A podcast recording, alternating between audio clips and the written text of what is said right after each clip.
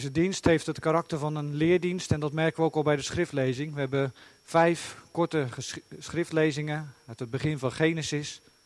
Na het vierde gedeelte zingen we uit Psalm 14, dat zal ik straks nog verder aankondigen. We starten met twee gedeelten over de schepping van de mens. Dan beginnen we bij Genesis 1 vanaf vers 26. Die versen 26 en 27 zijn ook gelijk het uitgangspunt voor de verkondiging. Die ik straks niet opnieuw. Vers 26 en 27 van hoofdstuk 1. De tekst, maar ook het begin van onze schriftlezing. En daar luisteren we naar het woord van God als volgt. En God zei: Laten wij mensen maken naar ons beeld, naar onze gelijkenis. En laten zij heersen over de vissen van de zee, over de vogels in de lucht, over het vee, over heel de aarde en over al de kruipende dieren die over de aarde kruipen. En God schiep de mens naar zijn beeld. Naar het beeld van God schiep hij hem. Mannelijk en vrouwelijk schiep hij hen. En God zegende hen. En God zei tegen hen: Wees vruchtbaar, word talrijk, vervul de aarde en onderwerp haar. En heers over de vissen van de zee, over de vogels in de lucht en over al de dieren die over de aarde kruipen. En God zei: Zie, ik geef u al het zaaddragende gewas dat op heel de aarde is. En alle bomen waaraan zaaddragende boomvruchten zijn, dat zal u tot voedsel dienen. Maar aan al de dieren van de aarde, aan alle vogels in de lucht en aan al wat over de aarde kruipt, waarin leven is, heb ik al het groene gewas tot voedsel gegeven. En het was zo. En God zag al wat hij gemaakt had, en zie, het was zeer goed. Toen was het avond geweest en het was morgen geweest, de zesde dag. Nou, dan lezen we verder in hoofdstuk 2.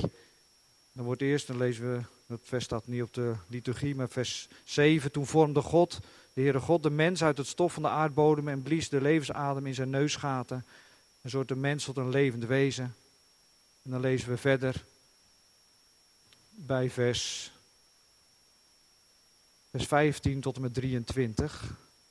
De Heere God nu nam de mens en zette hem in de hof van Eden om die te bewerken en te onderhouden. En de Heere God gebood de mens van alle bomen van de hof mag u vrij eten, maar van de boom van de kennis van goed en kwaad, daarvan mag u niet eten. Tot de dag dat u daarvan eet, zult u zeker sterven. Ook zei de Heere God, het is niet goed dat de mens alleen is. Ik zal een hulp voor hem maken als iemand tegenover hem.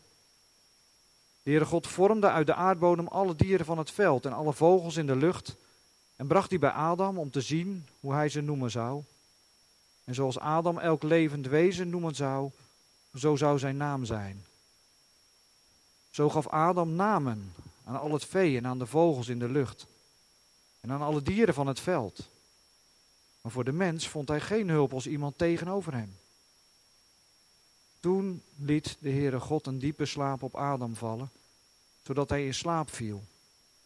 En hij nam een van zijn ribben en sloot de plaats ervan toe met vlees.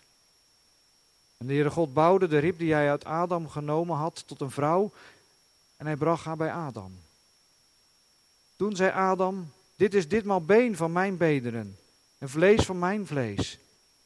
Deze zal manin genoemd worden, want uit de man is zij genomen. Nou, dan volgt hoofdstuk 3 met de zondeval.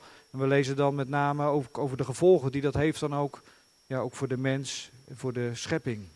Dan lezen we hoofdstuk 3 vanaf vers 16 tot en met 23. 3 vers 16.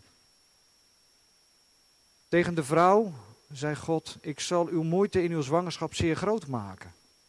Met pijn zult u kinderen baren. Naar uw man zal uw begeerte uitgaan, maar hij zal over u heersen. En tegen Adam zei hij, omdat u geluisterd hebt naar de stem van uw vrouw en van die boom gegeten hebt waarvan ik u geboden had, u mag daarvan niet eten, is de aardbodem omwille van u vervloekt. Met zwoegen zult u daarvan eten, al de dagen van uw leven. Dorens en distels zal hij voor u laten opkomen, en u zult het gewas van het veld eten. In het zweet van uw gezicht zult u brood eten, totdat u tot de aardbodem terugkeert, omdat u daaruit genomen bent. Want stof bent u. en u zult tot stof terugkeren. En Adam gaf zijn vrouw de naam Eva, omdat zij moeder van alle levenden is. En de Heere God maakte voor Adam en voor zijn vrouw kleren van huiden en kleedde hen daarmee. Toen zei de Heere God, zie, de mens is geworden als een van ons, omdat hij goed en kwaad kent. Nu dan, laat hij zijn hand niet uitsteken en ook van de boom des levens nemen en eten, zodat hij eeuwig zou leven. Daarom zond de Heere God hem weg uit de hof van Eden, om de aardbodem te bewerken, waaruit hij genomen was. Nou, dan volgt hoofdstuk 4, de geschiedenis van Kain en Abel, gedeelte waar ik in uw midden ook in de Pauluskerk begin september over gepreekt heb. En dan vervolgen we bij hoofdstuk 5, de eerste drie versen. En daar komen ook ja, die woorden beeld en gelijkenis ook weer terug. Dit is het boek van de afstammelingen van Adam. Op de dag dat God Adam schiep, maakte hij hem naar de gelijkenis van God. Mannelijk en vrouwelijk schiep hij hen. En hij zegende hen en hij gaf hun de naam mens op de dag dat ze geschapen werden. En Adam leefde 130 jaar en verwekte een zoon naar zijn gelijkenis naar zijn beeld. En hij gaf hem de naam Seth. Nou, dan volgt het verdere geslachtsregister van, van Seth tot Noach aan toe. En we zien in dat gedeelte ook hoe de zonde voortwoekert. En daar zingen we ook van met Psalm 14, de versen 1, 2 en 3 uit de nieuwe bereiding. Ten slotte lezen we nu nog enkele versen uit Genesis 9, gedeelte van na de zondvloed. En opvallend is dat daar ook weer het beeld van God weer terugkomt. Genesis 9, vers 1. Toen zegende God Noach en zijn zoon en hij zei tegen hem, wees vruchtbaar, word talrijk en vervul de aarde. Vrees en schrik zal er voor u zijn bij alle dieren van de aarde en bij alle vogels in de lucht, bij alles wat er over de aardbodem kruipt en bij alle vissen in de zee. Zij zijn in uw hand gegeven. Alles wat zich beweegt, waarin leven is, zal u tot voedsel dienen. Ik heb het u allemaal gegeven, evenals het groene gewas. Maar vlees met zijn leven, zijn bloed er nog in, mag u niet eten. Voorzeker, ik zal vergelding eisen voor uw bloed, voor uw levens. Van de hand van alle dieren zal ik vergelding eisen. Ook van de hand van de mens, van de hand van ieders broeder zal ik vergelding eisen voor het leven van de mens. Vergiet iemand het bloed van de mens, door de mens zal diens bloed vergoten worden. Want naar het beeld van God heeft hij de mens gemaakt. Wat u betreft, Wees vruchtbaar en word talrijk. Breid u overvloedig uit op de aarde en word talrijk erop. Tot zover onze schriftlezingen. In de verkondiging gaat het dus om het thema: wat is jouw imago? Het gaat dus over dat beeld van God. En de opbouw zal wat dat betreft ook eenvoudig zijn. We beginnen bij het beeld van God vanuit de schepping. Dan ja, wat de gevolgen van dat beeld van God zijn vanuit en door de zondeval en tenslotte ook het vernielde beeld van God. En dan komen ook, komt ook het licht vanuit het Nieuwe Testament binnen.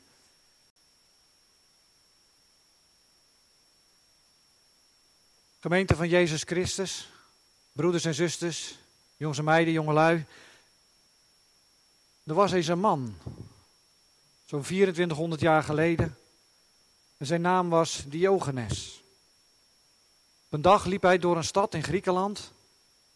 Klaarlichte dag, het was volop licht. Maar hij liep daar met een lantaarn, een lampje. En de mensen vroegen hem: Wat zoek je? En toen zei hij: Ik zoek een mens. Diogenes was op zoek naar een mens, naar een oprecht mens. Op zoek naar wat het betekent om echt mens te zijn. Het is een zoektocht waar velen hem gevolgd zijn in de loop van de eeuwen. In de loop van de tijd zijn er allerlei mensbeelden ontwikkeld. Positieve mensbeelden, negatieve mensbeelden. Een recent voorbeeld van zo'n positief mensbeeld is Rutger Bregman met zijn boek De meeste mensen deugen. Ja, dan gaat het over mensbeelden in het algemeen. Maar meer persoonlijk is het voor ons ook steeds weer de vraag: wat betekent het nu om mens te zijn? Een vraag waar we iedere keer weer in de verschillende fasen van ons leven antwoorden op zoeken. Jongelui, ik denk dat je het ook wel herkent. Ook steeds weer die vraag, wat betekent het nu om mens te zijn? In de puberteit is het een vraag die je bezighoudt als je leven Als je lichaam volop in ontwikkeling is, wie ben ik? Wie ben ik als mens? Welk beeld heb ik van mezelf? Positief, negatief, of ergens ertussenin? En ook die vraag, wat is mijn imago? Welk beeld straal ik uit naar mijn omgeving, naar de buitenwereld? Ja, misschien stel je ook wel die diepe vraag. Wat is nu eigenlijk de zin van mijn leven? Van mijn mens zijn? Nou, als je wat ouder wordt, dan komt die vraag weer op een andere manier op je af. Wie ben ik als mens en waardoor wordt dat dan bepaald?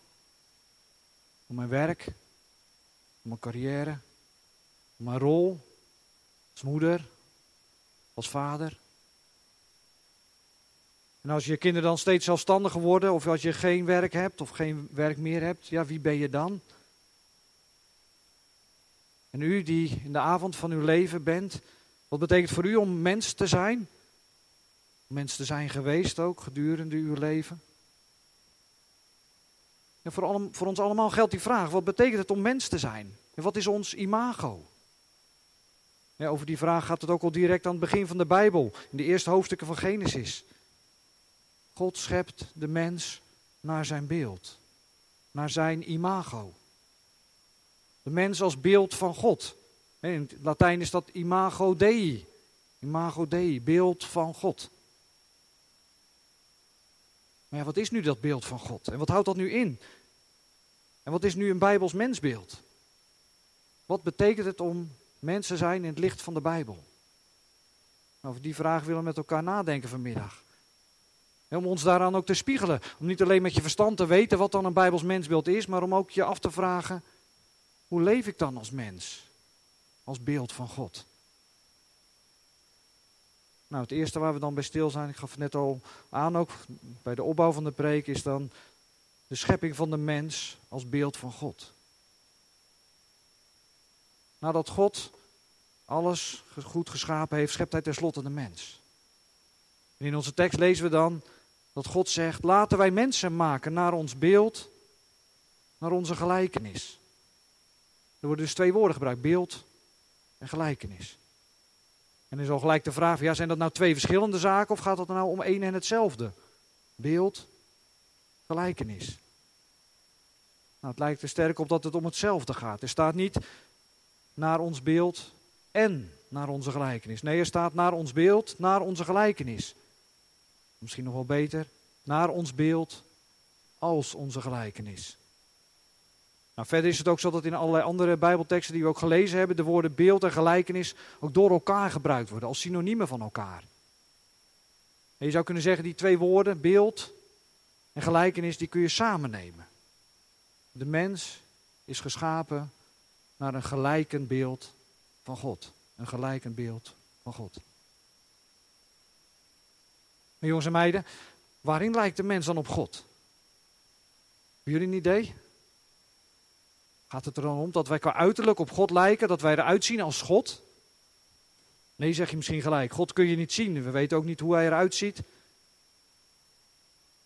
Maar wel is wel zo dat de Bijbel vaak mensvormig over God spreekt. God die spreekt met zijn mond, luistert met zijn oren, kijkt met zijn ogen en handelt met zijn handen. Maar goed, het gaat niet zozeer om uiterlijke, lichamelijke overeenkomst. Maar om de mens als geheel, als totale persoonlijkheid. De mens als totale persoon lijkt op de een of andere manier op God. Maar ja, dan nog een keer die vraag. Waar gaat het dan wel om bij dat beeld van God? Nou, het belangrijkste, het meest fundamentele dat we daarover kunnen zeggen, is dat er een verband is tussen God en zijn beeld. God en zijn beeld. Er is een relatie tussen die twee, tussen God en ons. De mens is representant, vertegenwoordiger van God. En mag God vertegenwoordigen op deze aarde. En de mens mag zo op aarde iets laten zien van hoe God is. Hoe goed God is. Hoe liefdevol en hoe rechtvaardig. En dat dan ook in verbondenheid met God zelf. Als een verantwoordelijk wezen. Verantwoordelijk wezen. Een wezen dat antwoord geeft aan God. En zijn bedoelingen voor de mens en de schepping. Je kunt daarbij ook denken aan de relatie tussen een ouder en een kind. In Genesis 5, vers 3 hebben we gelezen dat Adam een zoon verwekte naar zijn gelijkenis, naar zijn beeld. Ja, om zo'n intieme relatie van een vader of moeder met een kind, gaat het ook bij die mens als gelijkend beeld van God. En dus die relatie tussen God en ons mens is het meest fundamentele als het gaat om de mens als beeld van God. En de tweede is dan de relatie tussen ons en onze omgeving, de natuur en de cultuur. Daarover gaat het dan in het vervolg van ons tekstvers. En daar lezen we, en laten zij, laten de mensen heersen over de vissen van de zee, over de vogels in de lucht, over het vee en over heel de aarde en over al de kruipende dieren. Ik zei het net al, de mens mag God vertegenwoordigen op de aarde. En dat betekent dat hij namens God mag regeren over de aarde, over de dieren, over de vissen en de vogels, over de koeien en de paarden, over de mieren en over de slakken. Heersen. Nou, dat woord heeft bij ons wel een negatieve klank. Net als het woord onderwerp in vers 28 van het eerste hoofdstuk. En inderdaad, het woord heeft iets in zich van bedwingen, beteugelen, binnen de perken houden, regeren. De mens heeft van God een bepaalde autoriteit gekregen, het recht, de opdracht om te regeren. Maar dan wel als beeld van God. Het gaat om regeren op de manier waarop God regeert. Zoals we daar ook van zongen in Psalm 72. Wijs en zacht, liefdevol en rechtvaardig. En de mens moet een getrouw beeld van God vertonen in de manier waarop hij regeert over de schepping. Over hoe hij omgaat met zijn leefomgeving en met de grondstoffen. Ja, heersen is dus heel wat anders dan onderdrukken, tyranniseren of uitbuiten. We verder lezen, komt er nog een derde relatie in beeld. Hè? Dus eerst was daar de fundamentele relatie tussen God en ons. Vervolgens tussen die ons en de natuur, de cultuur. En als derde relatie is er dan die tussen ons en onze medemens. In hoofdstuk 1, vers 27 lezen we: En God schiep de mens naar zijn beeld. Naar het beeld van God schiep hij hem. Hem in het enkelvoud. Je zou kunnen zeggen, hier gaat het om de mensheid als een eenheid. Heel de mensheid wordt naar het beeld van God geschapen. En zo vervolgt dan de tekst, mannelijk en vrouwelijk schiep hij hen. Hen in het meervoud. Hier komt dan meer de individualiteit naar voren. Mannen en vrouwen worden naar het beeld van God geschapen. En bij de schepping is er een principiële gelijkwaardigheid tussen mannen en vrouwen. En dat is ook de hoofdboodschap van het tweede scheppingsverhaal in Genesis 2. Ja, er is sprake van een volgorde bij de schepping van de mens. Eerst de man, dan de vrouw. Maar de hoofdboodschap is de gelijkwaardigheid tussen man en vrouw. De man die kan niet zonder de vrouw. Een mens alleen, die redt het niet. Hij is hulpeloos. Heeft iemand anders nodig. Een hulp tegenover hem. Op gelijke hoogte. Een hulp betekent dan niet zoiets als hulpje, sloofje. Een hulp in de huishouding of zo. Nee. Hulp. Het wordt in de Bijbel ook gebruikt voor God. Mijn hulp is van de Heer, Psalm 121. Zoals we net ook gezongen hebben. Zalig hij die in dit leven Jacobs God ter hulpe heeft. En vaak is de helper dan niet de mindere, maar de meerdere van de geholpenen. De helper is de sterkere. Nou, we zien die gelijkwaardigheid ook terug in de rabbijnse uitleg. De vrouw, zo is die rabbijnse uitleg, werd geboren uit Adams zij. Niet uit zijn hoofd, om hem te overtreffen. En ook niet uit zijn voeten, om door hem vertreden te worden. Maar uit zijn zij, om zijns gelijke te zijn. Die gelijkheid die klinkt ook door in de uitroep van Adam in 2 vers 23. Dit is been van mijn beenderen en vlees van mijn vlees. Met andere woorden, zij is net als ik. We zijn elkaars gelijken, we zijn man en manin. Nou, dat over de schepping, de schepping van de mens als beeld van God. Het eerste onderdeel van de preek. En als ik het samenvat, gaat het om drie relaties. Allereerst is de relatie tussen God en ons. De mens die lijkt op God, maar is niet aan hem gelijk. En als beeld van God is het de bedoeling dat de mens iets laat zien van God en hoe hij regeert. En hij is daarbij aangewezen op God zelf. En mag dat doen in een innige, eenzelfde innige verhouding als een kind ten opzichte van zijn vader of moeder. In de tweede plaats is er die verhouding ten opzichte van de natuur en de cultuur. De mens mag God vertegenwoordigen op de schepping en de schepping goed gebruiken en tot ontwikkeling brengen. Ontplooien, niet uitbuiten. En in de derde plaats is er die relatie tot de medemensen. Alle mensen zijn beeld van God en daarmee gelijkwaardig. En ook mens, man en vrouw zijn vanuit de schepping gezien gelijkwaardig. Je zou kunnen zeggen, zo is de scheppingsorde. Zo heeft God de verhoudingen geordend. En de mens zijn positie gegeven. Onder God, tussen de medemensen met man en vrouw op gelijke hoogte. En boven de dieren en de aarde. Je zou kunnen zeggen, dat is een prachtig positief beeld van de mens vanuit de schepping. Een prachtig positief beeld. Maar ja, de vraag is dan wel, wat is daar dan van overgebleven? Nou, dat is waar we in het tweede deel van de preek bij stilstaan. Na Genesis 2 komt Genesis 3, de zondeval. De mens is in zonde gevallen.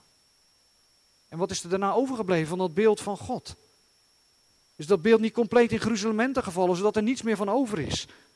Als we vragen, wat is de mens? Moeten we dan niet zeggen, de mens is een zondaar? Nou ja, dat zit in ieder geval diep in onze traditie om te spreken over de totale verdorvenheid van de menselijke natuur. In Latijn wordt dat wel aangeduid met corruptio totalis. Algehele corruptheid. Totaal bedorven en verrot. Ja, dan is de gereformeerde traditie wel verweten dat we een heel pessimistisch mensbeeld zouden hebben. Heel anders dan dat positieve mensbeeld waar ik het net over had, bij de mens als beeld van God. En hoe zit dat dan? Wat is nu een Bijbels mensbeeld na de zondeval? Nou, laten we dan eerst eens kijken naar die zondeval zelf. We lezen in Genesis 2, vers 16 en 17 dat de eerste mensen de vrijheid hebben om van alle bomen te eten. Behalve van één boom dan. Daarvan mogen ze niet eten. De boom van kennis van goed en kwaad. Bijzondere naam voor een boom, toch? Jongens en meiden. Boom van kennis van goed en kwaad. Wat zou dat nou betekenen?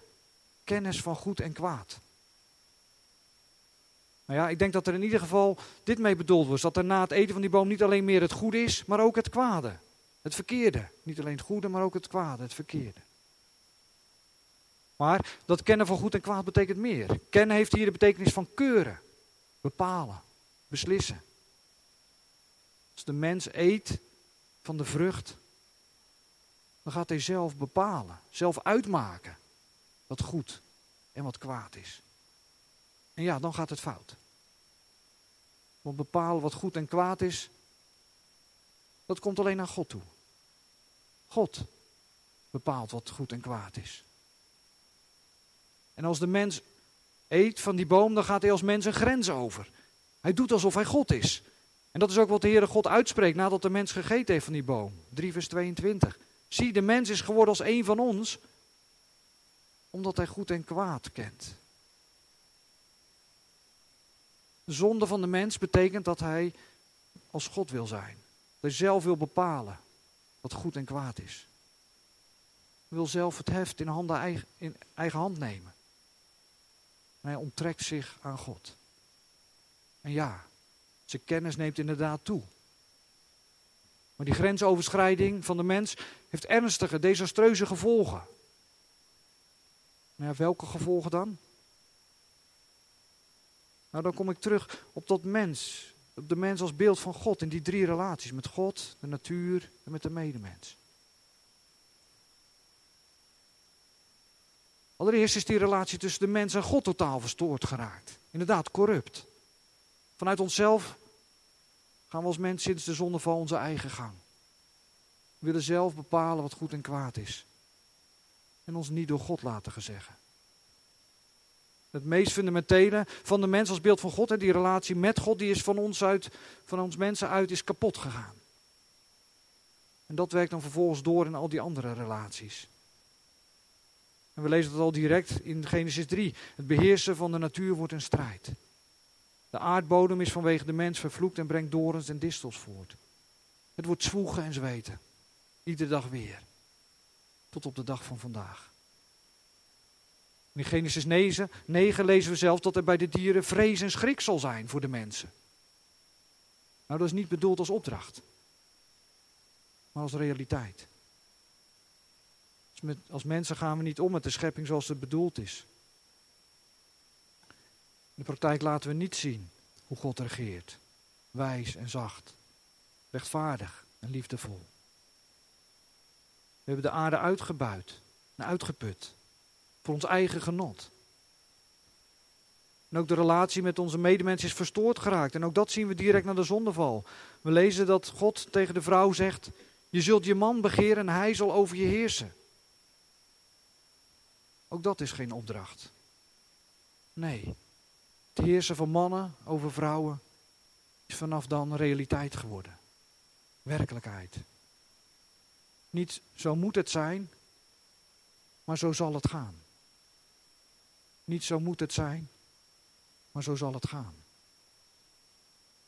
Dat heersen van die man over de vrouw blijkt al direct uit de naamgeving in 3 vers 20. Iemand een naam geven, dat is een teken van macht of autoriteit. In Genesis 2 geeft de mens namen aan de dieren. dat hing samen met dat heersen, het regeren over die dieren. En na de zondeval, dan gaat de mens, de man, zijn vrouw een naam geven. Eerder werd ze alleen aangeduid als manin omdat ze uit de man genomen was. Man en manin in het Hebreeuws Ish en Isha. Ze horen bij elkaar en zijn gelijkwaardig. Maar na de zondeval geeft de man zijn vrouw een naam. Het is een teken van zijn macht over haar. Hij voelt zich nu haar heer. En zo is ook die relatie tussen man en vrouw verstoord geraakt door de zonde. Ja, de vraag is nu, wat is onze conclusie nu? Is dat beeld van God met de zondeval nou verloren gegaan of niet? En is die mens nou totaal verdorven of niet? Ja, wat zou u zeggen? Wat zou jij zeggen? Nou, opvallend is in ieder geval dat in de Bijbel ook na de zondeval over de mens gesproken wordt als beeld van God. Genesis 5, vers 1 en 2 lezen we daarover, maar vooral ook in Genesis 9, vers 6, na de zondvloed. En we lezen daar, vergiet iemand het bloed van de mens, door de mens zal diens bloed vergoten worden, want naar het beeld van God heeft hij de mens gemaakt. De mens is zijn menswaardigheid niet verloren. Hij blijft menswaardig en beschermwaardig. Hij is geen dier, geen onmens of een duivel geworden. Nee. Het beeld van God is niet compleet verloren gegaan. Psalm 8 zingt het zelfs uit hoe die mens bijna goddelijk gemaakt is. En dat blijft overeind. Dat is de ene kant. Maar de andere kant is ook waar. Er is een breuk gekomen. In het bijzonder een breuk in die relatie tussen de mens en God. Ja, theologisch gesproken is daar sprake van verdorvenheid van de mens. Theologisch gesproken. Theologie. Dat is de leer of kennis van God.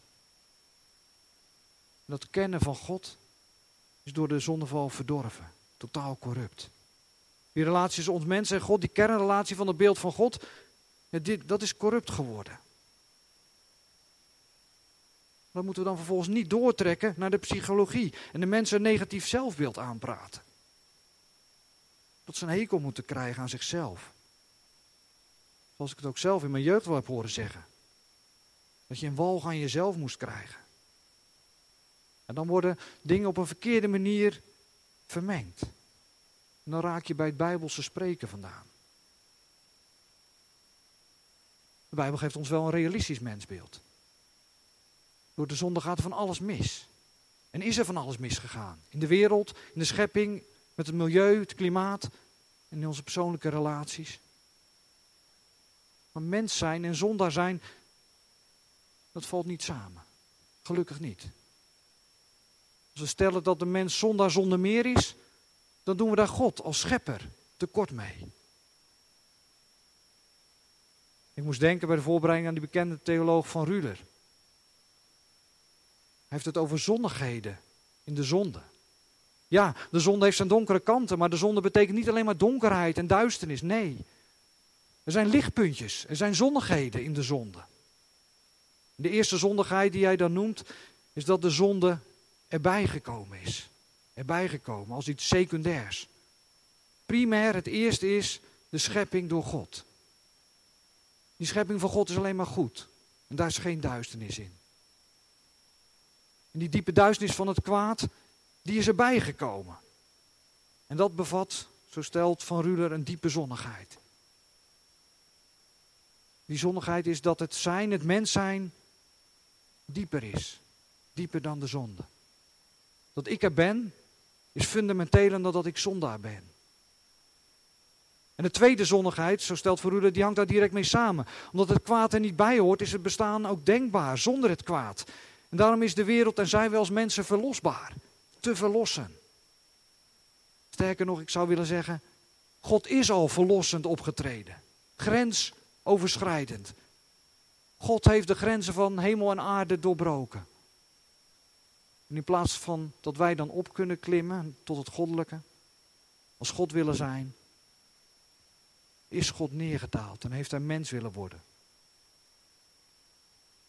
Beter gezegd, God is mens geworden. In Christus heeft God de breuk hersteld. En Christus zelf is eraan kapot gegaan. Verbrijzeld. En zo heeft hij verzoening aangebracht. Van Ruder noemt dat als laatste zonnigheid van de zonde. Christus die verzoening bracht. De schuld is er. De verzoening is er ook. Ja, het beeld van God, dat goed en was, is gebast en gebroken. Maar door Christus, die het beeld van God is, is er voor ons herstel, vernieuwing van het beeld van God. Paulus schrijft, wie in Christus is, die is een nieuwe schepping. En dan word je door de Heilige Geest steeds weer vernieuwd naar dat beeld van Christus, naar het beeld van God. En dat is het derde deel van de preek. Het vernieuwde beeld van God bestaat volgens het Nieuw Testament uit kennis, gerechtigheid en heiligheid. En bij die kennis gaat het dan dus niet om kennis van goed en kwaad, maar om het kennen van God.